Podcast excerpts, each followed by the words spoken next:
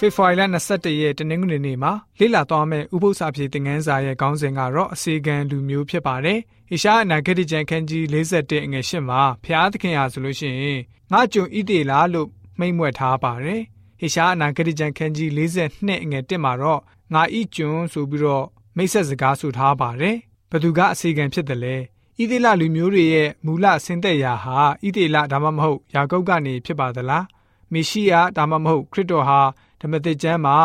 ယေရှုလို့ထင်ရှားပါတယ်။ဟေရှားအနာဂတိကျမ်းခန်းကြီး51ကနေအခန်းကြီး53မှာ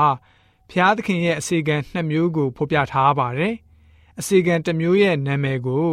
ဣသေလဒါမှမဟုတ်ယာကုပ်လို့ပေးထားပါတယ်။ဘာကြောင့်လဲဆိုတော့ဘုရားသခင်ဟာယာကုပ်ဣသေလကိုရှေ့တော်မှာနေရာပေးခဲ့ပါတယ်။ရှင်လင်းလာစွာမြင်တွေ့ရတာကတော့ ယာကုပ်ဟာသူ့အနေဆင်းသက်လာတဲ့လူမျိုးရဲ့ကိုစားပြုပုဂ္ဂိုလ်ဖြစ်ပါတယ်။အစေခံကျွန်းယာကုပ်လို့တိတာထင်ရှားစွာပေါ်လွင်တဲ့အချက်ကတော့ရွေးနှုတ်ခြင်းခံရပြီးတော့ဘာဗလုန်တိုင်းပြည်ကနေထွက်ခွာရတဲ့အချိန်မှာအတီးပြုနိုင်ပါတယ်။အခြားအခြေအနေတစ်ခုကတော့ဟိရှားအနာဂတိကျမ်းခန်းကြီး42အငယ်1ရှားနာဂတိကျမ်းခန်းကြီး90ငယ်30ရှားနာဂတိကျမ်းခန်းကြီး52ငယ်73နဲ့ဟိရှားနာဂတိကျမ်းခန်းကြီး53ငယ်17မှာဆိုရင် ဖျားသခင်ရဲ့အစီကံကျွန်းဆိုပြီးတော့ဖော်ပြထားမယ်ဆိုရင်အဲ့ဒါနာမည်တက်တက်မဟုတ်ပါဘူးဟိရှားနာဂတိကျမ်းခန်းကြီး42ငယ်1မှာကနဦးရှင်းပြချက်အရာတည်ငါထင်ရှားမှုကိုဆိုလိုတာမဟုတ်ပါဘူးနောက်ပိုင်းမှာဟိရှာယဟာသူ့ရဲ့ဆိုလိုရင်းကိုရှင်းလင်းစွာပေါ်လာအောင်ဘယ်သူဟာယာကုပ်ဣတိလကိုဖျားရှင်အတွက်လူမျိုးတစ်မျိုးဖြစ်စေတယ်ဆိုတာကိုဖော်ပြလာပါတယ်။အပြစ်သားတွေအတွက်မိမိကိုယ်ကိုပူဇော်ခံပြီးတော့အသက်ပေးခဲ့ပါတယ်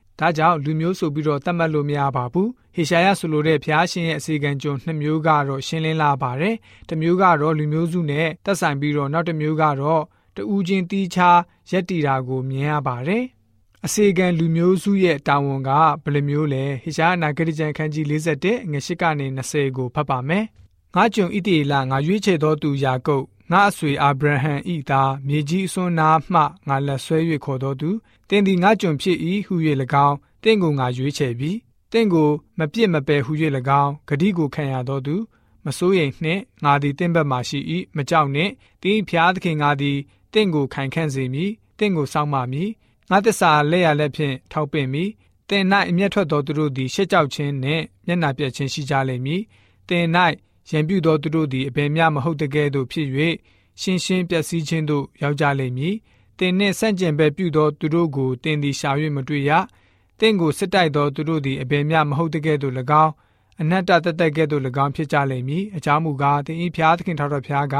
မစိုးရိမ်နှင့်ငါမဆမည်ဟုတင်အားဆိုလျက်တင်ဤလက်ရလက်ကိုကင်မည်။အိုတီကောင်ယာကုတ်အမျိုးငယ်ဣတိလမစိုးရိမ်နှင့်ငါသည်တင့်ကိုမဆတော်သူဖြစ်၏တင့်ကိုရွေးနှုတ်တော်သူသည်ဣတိလအမျိုး၏တန်ရှင်းသောဖျားဖြစ်သည်ဟု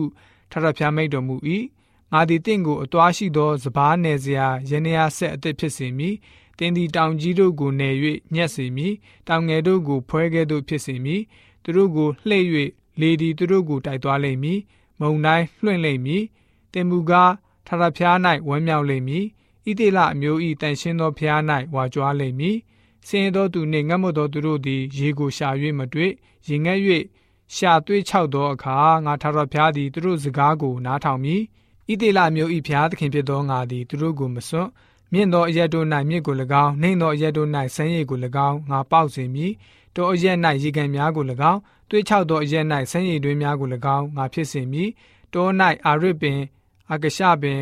မူရတုပင်တန်လွင်ပင်များကို၎င်းလွင်ပြင်၌ထင်းရှူးပင်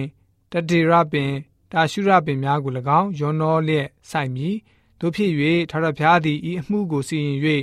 ဣတိလအမျိုးဤတန်ရှင်းသောဘုရားဖန်ဆင်းတော်မူကြောင်းကိုထိုသူပေါင်းတို့သည်သိမြင်၍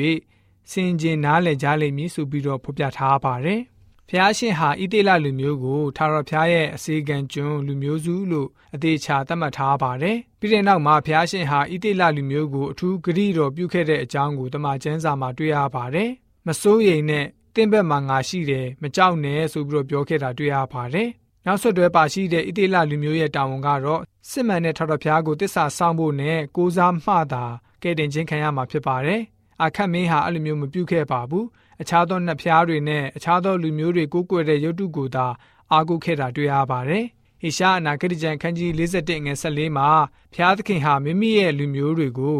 ဘာကြောင့်တီကောင်လို့ခေါ်ဆိုရတာလဲ။ဖဖျားရှင်ဆိုလိုတဲ့အရာကဘယ်အရာလဲအခန်းငယ်တစ်ခုလုံးကိုဖတ်ပြီးတော့ ပို့ပြီးတော့နားလည်အောင်လေ့လာဖို့ဖြစ်ပါတယ်ဟေရှာအနာဂတ်ကျမ်းခန်းကြီး51အငယ်14ဖြစ်ပါတယ်